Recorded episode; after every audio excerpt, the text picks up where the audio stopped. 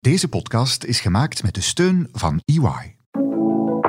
De tijd vooruit. Hoe overleeft u de toekomst?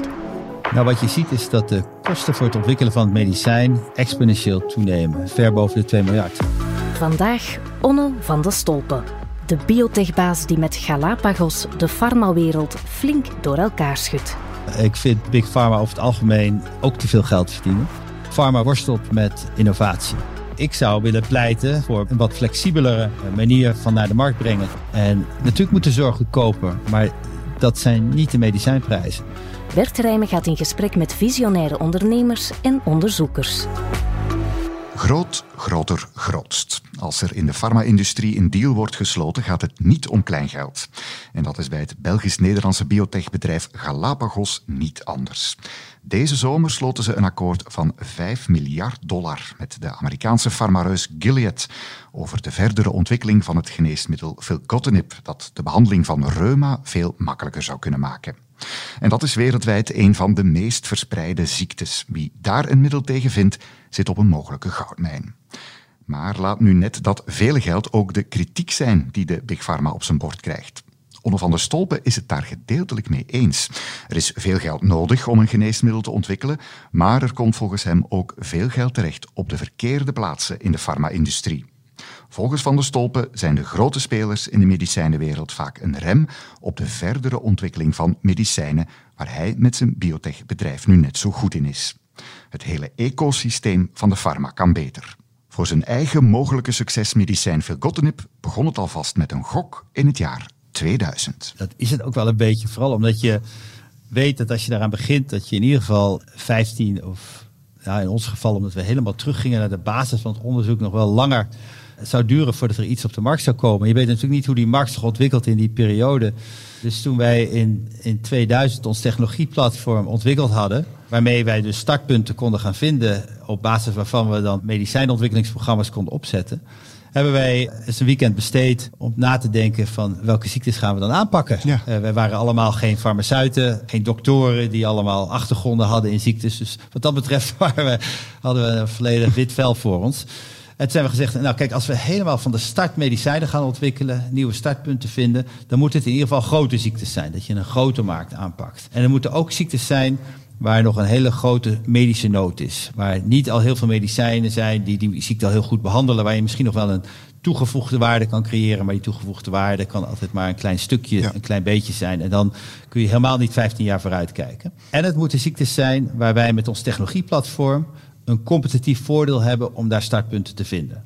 En als we die drie criteria op de ziektes uh, loslieten, kwamen er eigenlijk de ouderdomsziektes direct uit. Namelijk reuma, artrose, osteoporose en Alzheimer's. Nou, in de tussentijd is osteoporose eigenlijk heel goed behandelbaar geworden.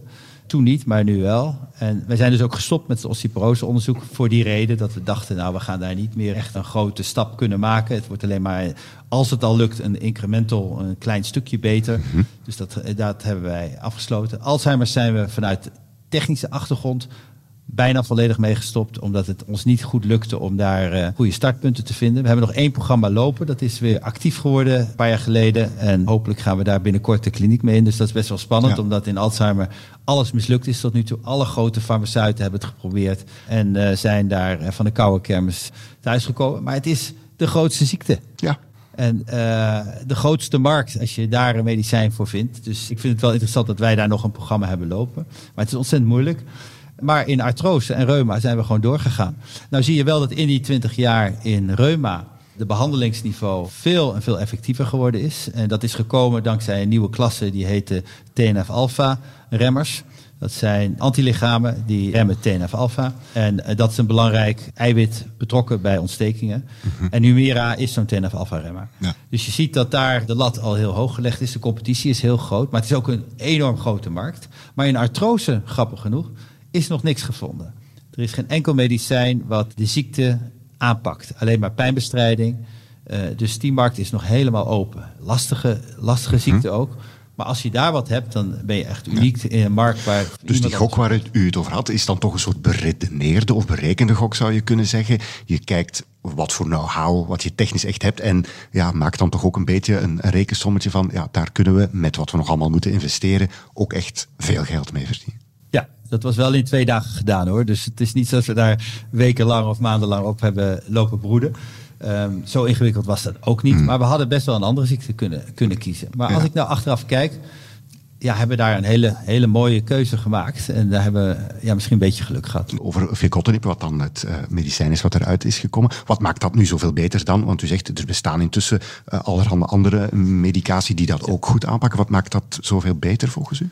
Ja, filgotinib is wat ze noemen een, een klein molecuul. Het is een, chemisch molecuul, net zoals aspirine bijvoorbeeld. uh, wat je oraal kunt nemen. Het is gewoon in een pil per dag en dat heeft een groot voordeel voor patiënten die aan een chronische ziekte lijden ten opzichte van injecties. Die injecties die hangt er vanaf welk middel, maar die moet je of intraveneus of... Ja, die antilichamen uh, van andere medicatie moet je inspuiten. Ja, inspuiten. En dat vinden patiënten vervelend. Bovendien, met een klein molecuul zie je dat de, het heel snel effect op de ziekte heeft. Dat praat je over een week tot, tot twee weken dat je meer dan 80% van je effectiviteit al haalt. En met zo'n antilichaam duurt dat maanden. En zeker in reuma, dat is een ziekte waar je heel snel wil behandelen. Want als je te lang wacht, heb je te veel schade aan je gewrichten. Dus hoe sneller eh, de ziekte onder controle komt, hoe beter het is. Dus dat is een groot voordeel voor de, voor de nieuwe klasse. Mhm. Nou zijn wij niet de enige in deze klasse. Het is, het is de klasse van de Janus kinase remmers, zo heet die klasse. Mhm. Dat middel van ons onderscheidt zich omdat het een heel selectief op één van die Janus kinase eiwitten actief is en niet op de andere. En wat je daardoor ziet is dat het veiligheidsprofiel daardoor verbetert. We zien minder bijwerkingen dan medicijnen die ontwikkeld zijn op meerdere van die Janus kinases. Mhm. En de effectiviteit is echt gelinkt aan Janus kinase 1. En dat is het eiwit wat wij aanpakken met, uh, met filgotinib. Ja. Met uh, heeft u goud in handen. Als we weten waar we nu staan, hoe kijkt u dan aan tegen dat verschil tussen u als kleiner biotechbedrijf en die grote Big Pharma? Want u werkt er wel op heel veel momenten mee samen. U heeft hen ook nodig, denk ik, om dingen mee uh, verder te ontwikkelen. Maar toch maakt u er steeds een punt van om, om die eigenheid, om, om veel van uw bedrijf zoveel mogelijk bij uzelf te houden. Waarom? U zou voor een makkelijker weg kunnen kiezen.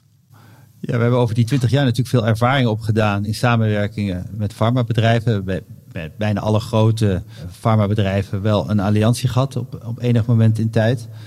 Uh, en eigenlijk zagen we in al die grote allianties hetzelfde probleem dat pharma worstelt met innovatie. De hele structuur en cultuur in die bedrijven zijn heel erg gericht op risicoaversie. En dat heb je voor de latere fase ontwikkeling ook echt nodig. Dat is heel belangrijk.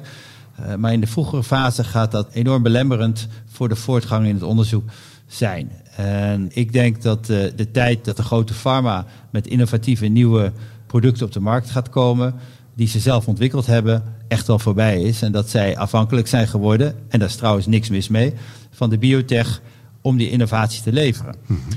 Dan komt de vraag dus hoe je die samenwerking, hoe pharma toegang krijgt tot die innovatie. En dat kan natuurlijk via licenties zijn, zoals wij dat toen geprobeerd hebben met AbbVie en later met Gilead, met Filgotinib, waar je over een programma afspreekt omdat zij de commerciële rechten krijgen, of een groot deel van die rechten. Het kan zijn via acquisities, bijvoorbeeld een Applinks, wat verkocht wordt aan Sanofi. Of je kunt een ander model creëren, waarin er een lange termijn samenwerking ontstaat, zoals wij dat nu met Gilead hebben gedaan, waar veel geld van pharma, en dan noem ik Gilead even pharma, van pharma naar de biotech gaat, maar dat ze wel hun volledige autonomiteit behouden om aan de innovatie te werken die zij denken het juist is. En ik hoop dan ook dat de deal die wij nu gedaan hebben en die wereldwijd in onze sector heel veel aandacht gekregen heeft, misschien een blauwdruk kan zijn voor meer interacties tussen biotech en pharma. Uh, Want dat is volgens u echt nodig. Als we zomaar zouden gaan naar wat traditioneel het verhaal is, de grote bedrijven kijken goed rond, houden alles in de gaten. En als er ergens een kleintje met iets heel goed zit, hop, nemen ze het vliegtuig en gaan ze het even snel opkopen. Volgens u is dat model eigenlijk niet de weg die bewandeld moet worden? Uh, is zeker niet de weg die bewandeld moet worden. Kijk, die pharma die koopt dat bedrijfje dan niet om zijn technologie of zijn innovatie. Dat zeggen ze wel. Maar uiteindelijk kopen ze het voor het product wat ze geïnteresseerd zijn. Want die gaat op korte termijn hun inkomsten genereren. En zij zijn altijd bezig met nieuwe inkomsten binnenhalen, omdat de andere medicijnen van patent aflopen en dan verdwijnen die inkomsten. Ze hebben altijd het probleem, hoe houden we onze inkomstenstroom jaarlijks op een goed niveau? Innovatie is binnen pharma veel langere termijn horizon en ze hebben die horizon niet. De CEO's van die bedrijven die zitten er vaak vrij korte periodes, vijf tot tien jaar. Nou, de innovatie bij Galapagos, hè, waar wij nu aan werken, die zie je niet binnen tien jaar vertaald worden in omzet die een impact heeft op je totaal. Dus ik denk dat innovatie altijd een probleem blijft zijn binnen de farma-industrie zoals die er vandaag de dag is. En dus moet je een ander soort uh, samenwerking zien. En ja, wat wij nu verzekerd hebben is een tien jaar onafhankelijkheid en ook genoeg geld. We hebben nu 6 miljard dollar op de rekening staan. Dat is een ongelooflijk veel. Ongelooflijk bedrag. Waar wij die komende tien jaar de innovatie van, uh, van kunnen doorzetten. En wij kunnen nu zonder dat er allerlei belemmeringen zijn met het aantal therapeutische area's waar we willen werken of het aantal klinische testen wat we willen doen. Want financiering kunnen we het nu allemaal voor elkaar krijgen. Kunnen wij echt op basis van wetenschappelijk argumenten besluiten linksaf, rechtsaf of rechtdoor te gaan. Wat zit er nog in uw pijplijn? Nou, veruit de, de meeste aandacht gaat naar ons longfibrose verhaal. Idiopathische longfibrose, IPF. is een ziekte die vooral oudere mannen krijgen, uh, boven de 60. Als je de diagnose van IPF krijgt, dan heb je nog drie tot vijf jaar te leven. Dat is net zo agressief als hele agressieve kankers. Het is een ziekte die sterk toeneemt in de wereld. Enerzijds omdat er betere diagnose is. Dus dan zie je dat er meer patiënten die diagnose krijgen. Maar je ziet toch ook dat, misschien doordat er meer fijnstof is, dat gewoon de aantal patiënten sterk aan het toenemen is. Nou, op dit moment nog niet een hele grote ziekte. Er zijn 200.000 patiënten op dit moment. Maar die hebben maar vrij kort te leven. En wij hebben een medicijn ontwikkeld wat in een eerste fase 2 een heel mooi effect op het longvolume liet zien. Die patiënten hadden geen enkele afname over de 12 weken dat we het getest hebben in hun longvolume. Terwijl de placebo-groep, ook hier weer patiënten die zeg maar het neppilletje kregen, een afname lieten zien van het, van het longvolume. Wij zijn op basis van die studie naar de FDA en de IME gegaan. Het waren totaal maar, uh, maar 25 patiënten, dus een hele kleine studie. En we hebben gezegd, nou dit is zo'n ernstige ziekte wij willen eigenlijk nu direct de registratiestudie starten. En dat zijn de autoriteiten mee akkoord gegaan. En we doen dus nu een studie wereldwijd in 1500 patiënten. Uh, en dan hopen we dat we kunnen laten zien dat het inderdaad het longvolume stabiliseert. Of in ieder geval de afname substantieel of heel sterk gaat remmen. En dan hopen we dat we over een paar jaar dat medicijn op de markt kunnen brengen. Ja. Voor in toch misschien kleinere ziekte die dan minder interessant is, kwestie van rendement daarna? Nou, kijk, uh, als we deze mensen in leven kunnen houden, wat natuurlijk uh, het, het, doelstelling is, er komen per jaar een, uh, 70.000, 60.000 nieuwe patiënten bij. Dus dan gaat het, gaat het ja, heel hard. Het. En ik vind het ook wel fantastisch dat we nu aan een ziekte werken waar hopelijk ons medicijn een verschil tussen leven en dood gaat maken. Kijk, mhm. reuma is ook een vreselijke ziekte, maar het is natuurlijk niet een direct dodelijke ziekte als je met deze patiëntenpopulatie, en dat zien we al met, met de patiënten die ons naar ons toe komen en, en echt smeken om in de trial mee te mogen doen. Als je een verschil kunt maken die zo impact op die levens gaat hebben, vind ik heel belangrijk. En ik merk dat dat, ja, dat, dat emotioneel natuurlijk ook een heel andere situatie is dan bijvoorbeeld een, een reuma-medicijn. Een gok dus, dat medicijn tegen reuma. Maar ook een beredeneerde gok natuurlijk. Want met een ouder wordende bevolking zijn het net dat soort ziektes waar je geld mee kan verdienen. Je kan je daarbij afvragen of we er nu wel zoveel beter aan toe zijn. We worden ouder, maar krijgen dan te maken met allerhande ouderdomsziektes. En dat kost ons met z'n allen een hele hoop geld. Onder van der Stolpen wil ook niet per se 150 jaar oud worden door zijn medicijnen, maar hij wil wel een gezonde oude dag beleven. Nou, kijk, we zijn er in ieder geval heel veel beter aan toe doordat de infectieziektes onder controle zijn gekomen. Dat heeft natuurlijk een enorme impact gehad dat we niet meer doodgaan. Uh, grote uitbraken uh, van polio en dat soort ziektes. Maar voor de rest zijn natuurlijk ook een aantal andere ziektes heel goed behandelbaar geworden of zelfs helemaal te genezen. Bijvoorbeeld hepatitis C is nu volledig geneesbaar, wat vroeger ook een vreselijke ziekte was. Alleen ja, als we ouder worden, dan komen er weer andere ziektes die plek innemen. En je ziet dus dat Alzheimer steeds belangrijker wordt omdat we ouder worden. En uiteindelijk, ja, als je maar lang genoeg wacht, krijgt iedereen wel een keertje Alzheimer. Mhm. Dus we zien dat uh, patroon veranderen. We zien ook dat de kosten van de laatste fase van het leven steeds maar toe blijven nemen. Omdat die ziektes die dan optreden, zij het kanker, Alzheimer, die moeten behandeld worden. Of met medicijnen of met hulp.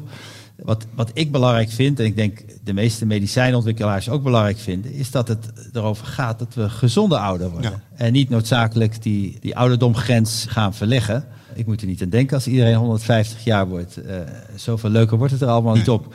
maar de jaren dat we leven, willen we eigenlijk gezonder leven. En dat kan enerzijds via levensstijl, het eten, drinken, sporten. Maar anderzijds via medicijnen die die ziektes die je krijgt op een dusdanige manier behandelen dat jij een waardevol goed leven behoudt. En als je kijkt naar de ziektes waar Galapagos aan werkt, dan is dat ook echt ziektes waar we een impact op de kwaliteit van het leven verzorgen. Mhm. Het is een heel ander verhaal als iemand die kanker heeft nog drie maanden langer in leven houden, dan is die kwaliteit niet noodzakelijk heel erg hoog of erg aantrekkelijk. En natuurlijk, als dat je partner is of, of je kind, is dat een heel ander verhaal. Maar ik vind dat wij ons als maatschappij vooral moeten richten op die ziektes die gedurende het leven optreden, om te zorgen dat die onder controle krijgt, zodat mensen gezonder ouder worden. Gezonder ouder worden, maar uh, zou je kunnen zeggen, dat zijn behandelingen die misschien de maatschappij, die er dan misschien wel beter van wordt, wel steeds meer geld gaat kosten en, en dat op een bepaald moment misschien onbetaalbaar gaat maken. Ja, de prijs van de zorg is een groot probleem mhm. en is al heel lang een groot probleem en erg complex. Medicijnen zijn daar maar een zeer beperkt onderdeel van. Mhm. De zorg zijn vooral arbeidskosten. En die nemen natuurlijk sterk toe. En vandaar dat de zorg elk jaar tot de sterkst groeiende onderdelen van de budgetten behoort. Wat je ziet is dat het systeem waar medicijnen in functioneren heel goed functioneert. Al eh, sinds de Tweede Wereldoorlog zie je dat nieuwe medicijnen de markt opkomen. Die zijn beschermd via een, een patent, een octrooi voor een bepaalde periode nog nadat ze op de markt komen. En dat zal over het algemeen zo tussen de 8 en de 12 jaar zijn. Daarna loopt het patent af en is zo'n medicijn door iedereen na te maken. Nou, niet door iedereen, maar door de fabrikanten van medicijnen. Ja. Uh, dat zijn de generieke fabrikanten. Dan krijg je generieke medicijnen die vaak voor een fractie, 10%, 15% van de prijs van de originele medicijnen op de markt komen. Cholesterolverlagers is een grote groep geweest die nu uit patent gelopen is en die nu een fractie kost van wat het een paar jaar geleden kost. En voor u is dat nog altijd the way ahead? Dat systeem heeft. Uh, ja, het systeem heeft bewezen te werken. Het werkt. Um, het, het kraakt soms. Mhm. En wat je nu ziet is dat veel dure nieuwe medicijnen in het ziekenhuis terechtkomen. En je ziet dus de budgetten van de ziekenhuizen steeds meer eh, last krijgen van een groot deel wat naar dat soort dure medicijnen gaat. Maar je ziet dat de medicijnen via farmacie verkocht worden, dat daar de totale kosten omlaag gaan. Omdat al die medicijnen uit patent gelopen zijn. Dus de totaliteit van de medicijnkosten zijn percentueel alleen maar achteruit gegaan ten opzichte van 10, 15 jaar geleden. Dus dat beeld van, laten we zeggen, de boze grote pharma met hun uh, dikke portefeuilles vol met geld klopt niet helemaal volgens u. Nou, dat klopt eigenlijk wel weer. Ik vind uh, Big Pharma over het algemeen ook te veel geld verdienen. Maar dat gebeurt eigenlijk niet via de innovatieve nieuwe medicijnen die op de markt komen. Dat gebeurt omdat pharma heel goed is om, als een medicijn op de markt is, heel snel met een vergelijkbaar product te komen. Dat noemen ze de Me Too. En daar wordt veel geld aan verdiend. En ik vraag me wel eens af waar daar de concurrentie ligt. Je zou verwachten als meerdere medicijnen met min of meer hetzelfde effect op de markt zouden komen, dat de, de prijs omlaag zou gaan. In andere industrieën zie je dat meer dan in de farma-industrie. En daarom verdient pharma nog steeds heel veel geld. Dus ik ben vrij kritisch over pharma als totale sectorverdienmodel.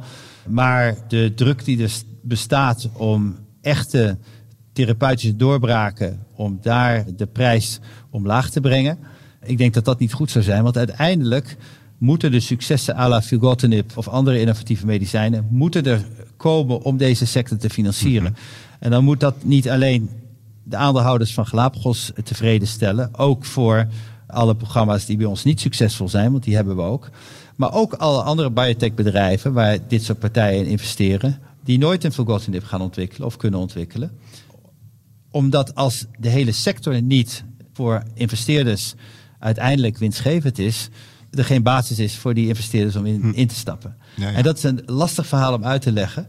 Uh, je moet eigenlijk een soort ja, leefomgeving, een omgeving hebben waar falen gebeurt. dingen lukken, dingen mislukken, maar je moet dat wel onderhouden. Je moet die wetenschap, je moet die mensen daarin laten werken om dat uiteindelijk in bepaalde gevallen, zoals filgotinib, te laten lukken. Het is een heel ecosysteem wat begint met uh, angel financiering en wat subsidies. Dan komen de venture capitalisten erin, die, uh, de durfkapitalisten die in dit soort sectoren investeren. En uiteindelijk wordt er dan de stap gemaakt naar de beurs. En dan komen het publiek er ook in en institutionele investeerders. En uiteindelijk moet dat hele ecosysteem moet draaien. En dan moeten dus een aantal bedrijven moeten succesvolle medicijnen leveren die een dusdanige return geven dat dat eigenlijk op het hele ecosysteem afstraalt, zodat die initiële investeringen in nieuwe bedrijven blijft gebeuren op basis van de hoop dat daar de nieuwe Galapagos uit gaat komen. Hallo, ik ben Francesca van Tielen. Luister nu naar Inzicht, een podcast over ondernemers en de drive om hun bedrijf digitaal te transformeren. Hoe kunnen we de levens van de mensen in een huis of in een gebouw of in een wagen redden? En hoe kan technologie daarbij helpen? We gaan op zoek naar hoe het hun businessmodel en onze maatschappij fundamenteel kan veranderen. Tijdverlies is verlies aan mensenlevens. Inzicht, een podcast van EY in samenwerking met Tijd Connect op je favoriete podcast-app. De tijd vooruit. De overheid, ook de Vlaamse, doet volgens Van de Stolpen best goede dingen om het experimentele biotech-onderzoek naar geneesmiddelen te ondersteunen. Maar voor je een medicijn op de markt krijgt, moet je het in een zogenoemde fase 1 testen op gezonde mensen voor bijwerkingen. Dan is er een fase 2 met een test op een kleine groep patiënten. En tenslotte een zware en dure fase 3 met een langdurig onderzoek op grote groep patiënten. De overheid zou dat wat makkelijker moeten maken, volgens Van der Stolpen. Nou, wat je ziet is dat de kosten voor het ontwikkelen van het medicijn exponentieel toenemen. Was dat een 20 jaar geleden misschien 500 miljoen, dan is dat nu ver boven de 2 miljard. En dat, dat kan niet zo doorgaan. Bedragen, De kosten van filgotinib in al die klinische trials die we aan het doen zijn, in de verschillende ziektegebieden zitten we aan een budget van 2,5 miljard. Alleen maar die fase 3's die we aan het doen zijn. Als dat zo doorgaat, wordt het onbetaalbaar om dit soort medicijnen naar de markt te brengen. En dus zal er iets moeten gaan gebeuren. En de complexiteit zit erin dat wij als samenleving terecht verwachten dat medicijnen volledig safe zijn als ze op de markt komen. Dat betekent dat je een onderzoek bij veel patiënten over een lange periode moet doen om te kijken of over een lange periode dat ook inderdaad veilig is. Dus daarom doseren we duizenden patiënten een jaar lang grote databases die erg duur zijn om, om op te bouwen ik zou willen pleiten dat we voor bepaalde medicijnen een, een, wat flexibelere eh, manier van naar de markt brengen zouden gaan overwegen. Waarbij de patiënt er eerder toegang toe heeft. Want zeker zo'n ziekte voor longfibrose, waar de patiënt echt aan het doodgaan is. Mhm. Ik vind het heel moeilijk dat wij nu een mogelijk middel hebben om die patiënt in leven te houden, maar we het nog niet kunnen geven of verkopen aan die patiënten. Dus ik zou willen dat we in een vroeger stadium al een medicijn op de markt zouden moeten kunnen brengen. Natuurlijk moet eerst de initiële veiligheid aangetoond zijn. Maar daarna zou je een soort conditionele toelating moeten kunnen krijgen. Waarbij je heel duidelijk de dokter en de patiënt op de risico's wijst dat het grote fase 3 onderzoek nog niet gebeurd is. Maar dat de patiënt wel al toegang toe heeft. Dan zou je dus ook al verkopen kunnen starten. Dat maakt het voor bedrijven makkelijker om de boel te financieren. Als de inkomsten komen uit de verkoop van het medicijn. Eh, en dan kun je daarmee je klinische studies verder financieren. Dat zou het model wat beheersbaarder maken dan het op dit moment is. En geen onnodige risico's op, laten we zeggen, de mensheid loslaten? Het risicoprofiel zou wel omhoog gaan daardoor. Maar dat moet je dan heel bewust uh, aangaan alles wat je doet heeft risico's. Als je gaat kitesurfen heb je ook risico's. Alleen moet je de risico's goed benoemen en bekijken. En iedereen moet zich daarvan bewust zijn. Maar dat zou een systeem zijn waardoor, denk ik, op de lange termijn dit door kan gaan. Nu, als je kijkt wat er aan de hand is, is dat de overheden zeggen die prijzen van medicijnen zijn te duur. Het patent is wat het is. Het is niet langer. De kosten gaan omhoog. Dat gaat op een gegeven moment niet meer werken. En dan zul je zien dat er voor bepaalde ziektes geen medicijnen meer ontwikkeld zullen gaan worden, omdat het niet terugbetaald wordt uiteindelijk als het op de markt gaat komen. Speelt het ook ergens een rol dat we nu misschien toe zijn aan steeds meer kleinere ziektes en, en de behandeling? En dat je dus misschien ook heel complexe en heel duur te ontwikkelen medicatie hebt, die dan maar voor een kleine groep toepasbaar is en dus ook misschien een, een minder groot rendement oplevert? Zo groot, kijk, dat publicitair speelt dat wel een belangrijke rol. Hè? Dat, eh, ziektes die boven de 100.000 euro uitkomen, die halen snel, snel de pers. En dat is al 100.000 Per jaar. per jaar bijvoorbeeld. Ja. Ja, ja. Maar als dat maar weinig patiënten zijn die daar voor in aanmerking komen, is dat op het totale budget ook weer niet zo'n eh, groot punt. Terwijl als je voor een reumamedicijn, nou dat die nieuwe generatie medicijnen die gaat zo rond de 12 tot 14.000 op dit moment kosten. Eh, maar er zijn wel heel veel patiënten, dus dat is totaal natuurlijk een veel groter bedrag. Dus eh, je zult altijd een balans zien tussen het aantal patiënten en de prijs die daar, die daar aan hangt. Dus ik denk niet dat dat het, het probleem is. Ik denk eerder dat het inderdaad komt door het feit dat het allemaal nu op die ziekenhuizen terechtkomt. En zij gewoon niet de budgetten hebben om deze nieuwe innovatie ja, te financieren. Wat kunnen we daaraan doen? Nou, ik denk dat de overheid opnieuw moet kijken naar de allocatie van budgetten. Samen met de, met de zorgverzekeraars. En als ze aan de ene kant zien dat de kosten van de farmacie omlaag gaat. Dat ze de verzekeraars dus meer beschikbaar stellen voor de ziekenhuisbudgetten.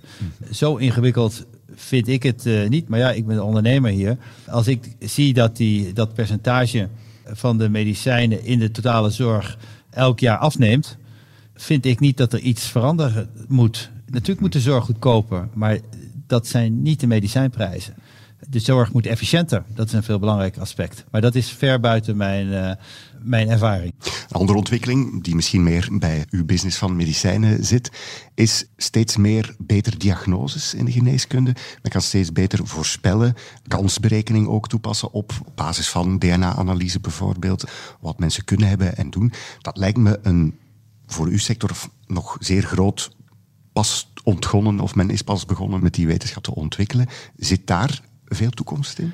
Ja, ik denk dat het heel belangrijk is. Het heet dan companion diagnostic. Dat je naast het medicijn ook een diagnostisch test hebt. Waarmee je kunt bepalen of de patiënt ook gaat reageren op dat medicijn wat je toe gaat dienen. Eh, op dit moment worden nog veel te veel medicijnen gegeven aan patiënten die daar niet op reageren. Dat is natuurlijk heel vervelend voor de patiënt en de dokter, maar is ook heel kostbaar, want die prijs is even duur Ja. als degene waar het wel werkt. Dus als je dat kunt voorkomen, is dat natuurlijk een hele goede zaak.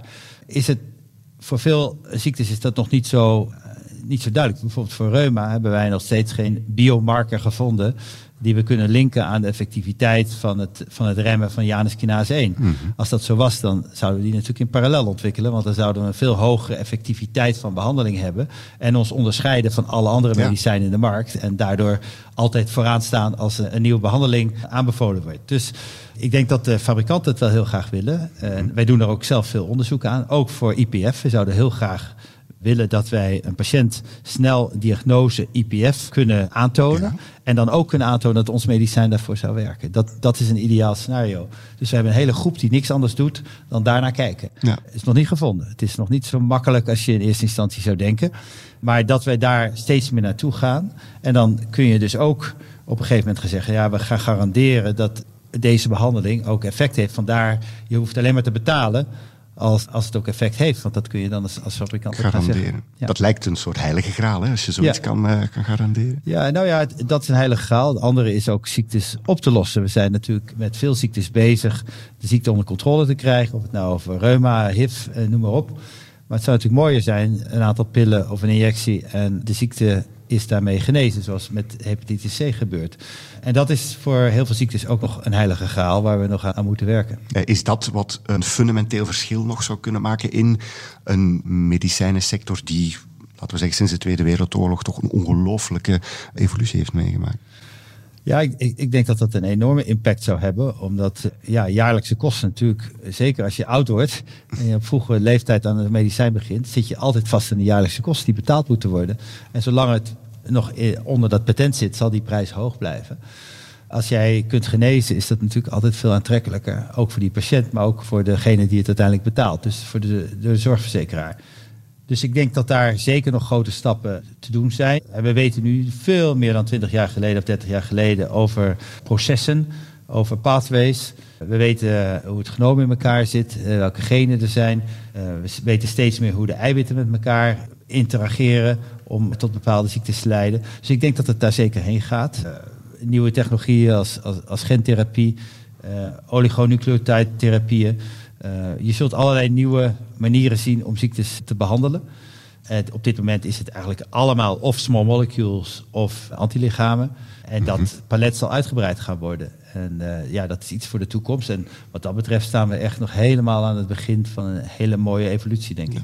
Hoe staat u zelf tegenover al die technieken die er nu zijn om op basis van bloedanalyses, DNA-analyses, om ja, te gaan inschatten, u, Onno van de Stolpen, heeft kans om die en die ziektes te krijgen en, en dat, dat je dat allemaal heel goed weet.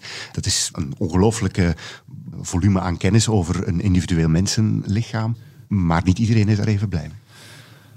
Ja, ik, ik heb het zelf nog niet gedaan, bewust ook niet gedaan, mhm. omdat je heel veel informatie krijgt.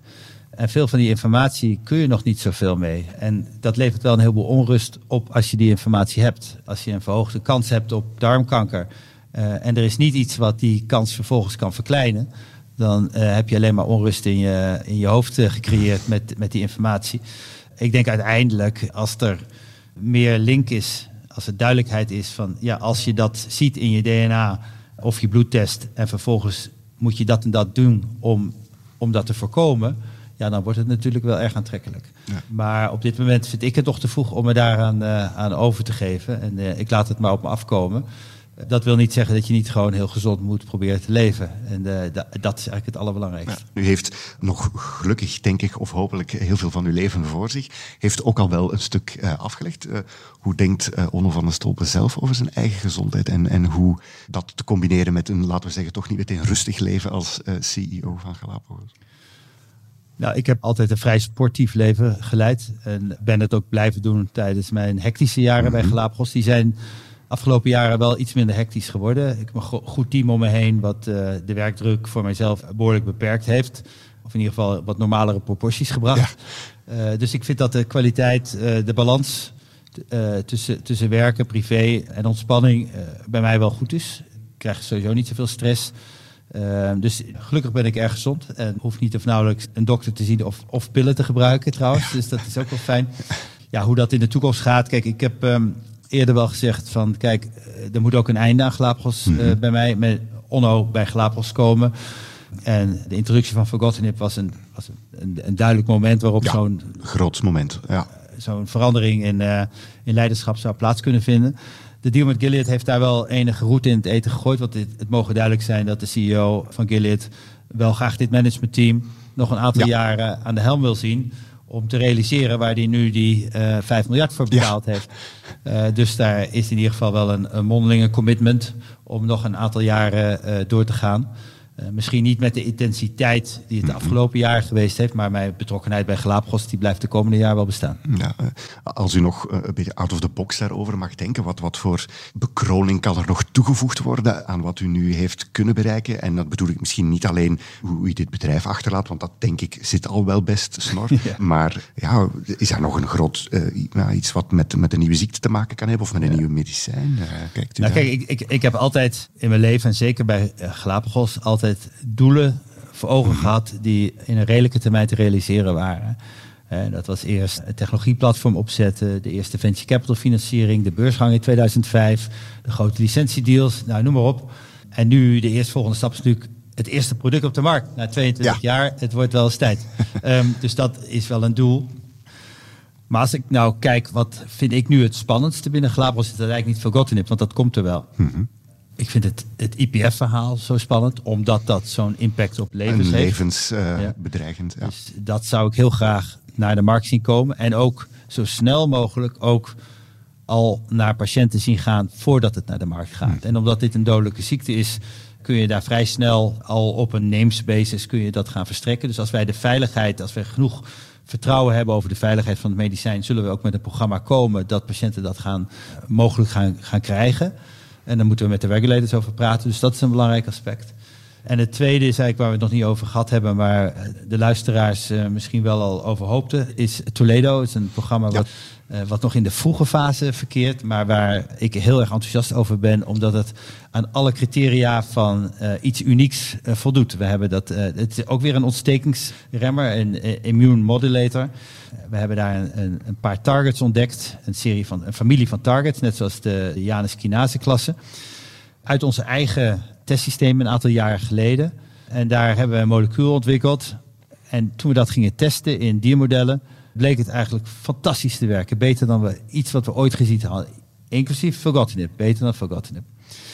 En als we kijken naar het werkingsmechanisme, dus als je naar de pathways in de cel gaat kijken, dan zien we dat het een effect heeft enerzijds op de activatie van cytokines. Cytokines zijn eiwitten in de cel die een belangrijke rol spelen in de processen.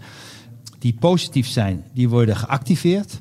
En die negatief zijn voor ontstekingen worden geremd. Een soort dubbele werking. Een dubbele werking. En dat maakt het heel erg aantrekkelijk. En eigenlijk alle andere medicijnen, of het nou TNF-alpha-remmers of Janus kinase-remmers zijn, die werken allemaal alleen maar remmers, maar geen stimulators. En deze, dankzij zijn werkingsmechanisme, stimuleert ook. En dat hebben wij een paar jaar geleden hebben dat voor het eerst gezien. En toen zijn wij daar vol in gegaan. Echt, pharma zou dat nooit gedaan hebben. We hebben gezegd, we gaan maximaal hoeveelheid uh, chemisten en biologen op dat programma zetten. Op een gegeven moment werkte er 70, 80 man alleen maar aan dat programma. En dat is een stevige keuze. Stevige keuze, ja. ja. En daar zijn een aantal moleculen uitgekomen waarvan de eerste nu fase 1 klaar is. De volgende gaat fase 1 in. En die, vooral die volgende is een hele selectieve. Uh, en daar denken we van dat we een molecuul in handen hebben dat heel breed in reuma, in darmziektes, maar ook in een aantal andere ziektes, zelfs fibrose, een effect zou kunnen hebben. Uh, we doen daar nu heel veel experimenten in allerlei diermodellen mee. En we hopen daar volgend jaar in parallel in meerdere ziektegebieden direct fase 2 studies te gaan doen. Okay. Uh, en dan gaan we ook vertellen wat het target is, wat het eiwit ja. is. Want op dat moment, als de, de competitie dat ziet, dan zullen inderdaad de grote farmaceuten ook gaan proberen daar moleculen ja. uh, tegen te ontwikkelen. En hopelijk hebben wij dan zoveel moleculen al ontwikkeld dat we de IP-space, de intellectual property space, de patenten, dusdanig breed hebben kunnen indienen dat het voor anderen lastig wordt om daar een concurrerend ja, ja. molecuul voor te ontwikkelen. Nou, en dan hopelijk gaat het werken in patiënten. En dan zouden we dus een hele nieuwe klasse heel snel naar de markt kunnen brengen. Nou, dat is wel zo'n spannend ja. werk. Dat is uh, once in a lifetime. Ja. Alvast bedankt, Onnevallen Stolpen, voor de toelichting bij deze, laten we toch wondere wereld noemen, in uh, biotech-land. Bedankt. Graag gedaan. Beluister meer van De Tijd Vooruit op Spotify, Apple Podcast of via tijd.be.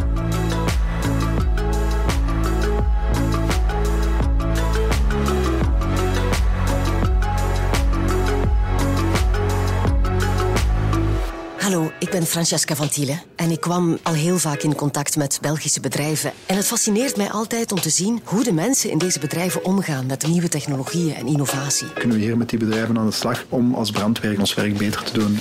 En daarom mag ik samen met EY op bezoek bij bedrijven en organisaties die volop bezig zijn met innovatie. En dan is de vraag van hoe kun je die twee eigenlijk met elkaar laten samenwerken? We gaan op zoek naar hoe het hun businessmodel en onze maatschappij fundamenteel kan veranderen. Tijdverlies is verlies aan mensenlevens. Luister nu naar Inzicht. En die zijn kritiek die eerste minuten. Een podcast van EY in samenwerking met Tijd Connect. Op je favoriete podcast-app.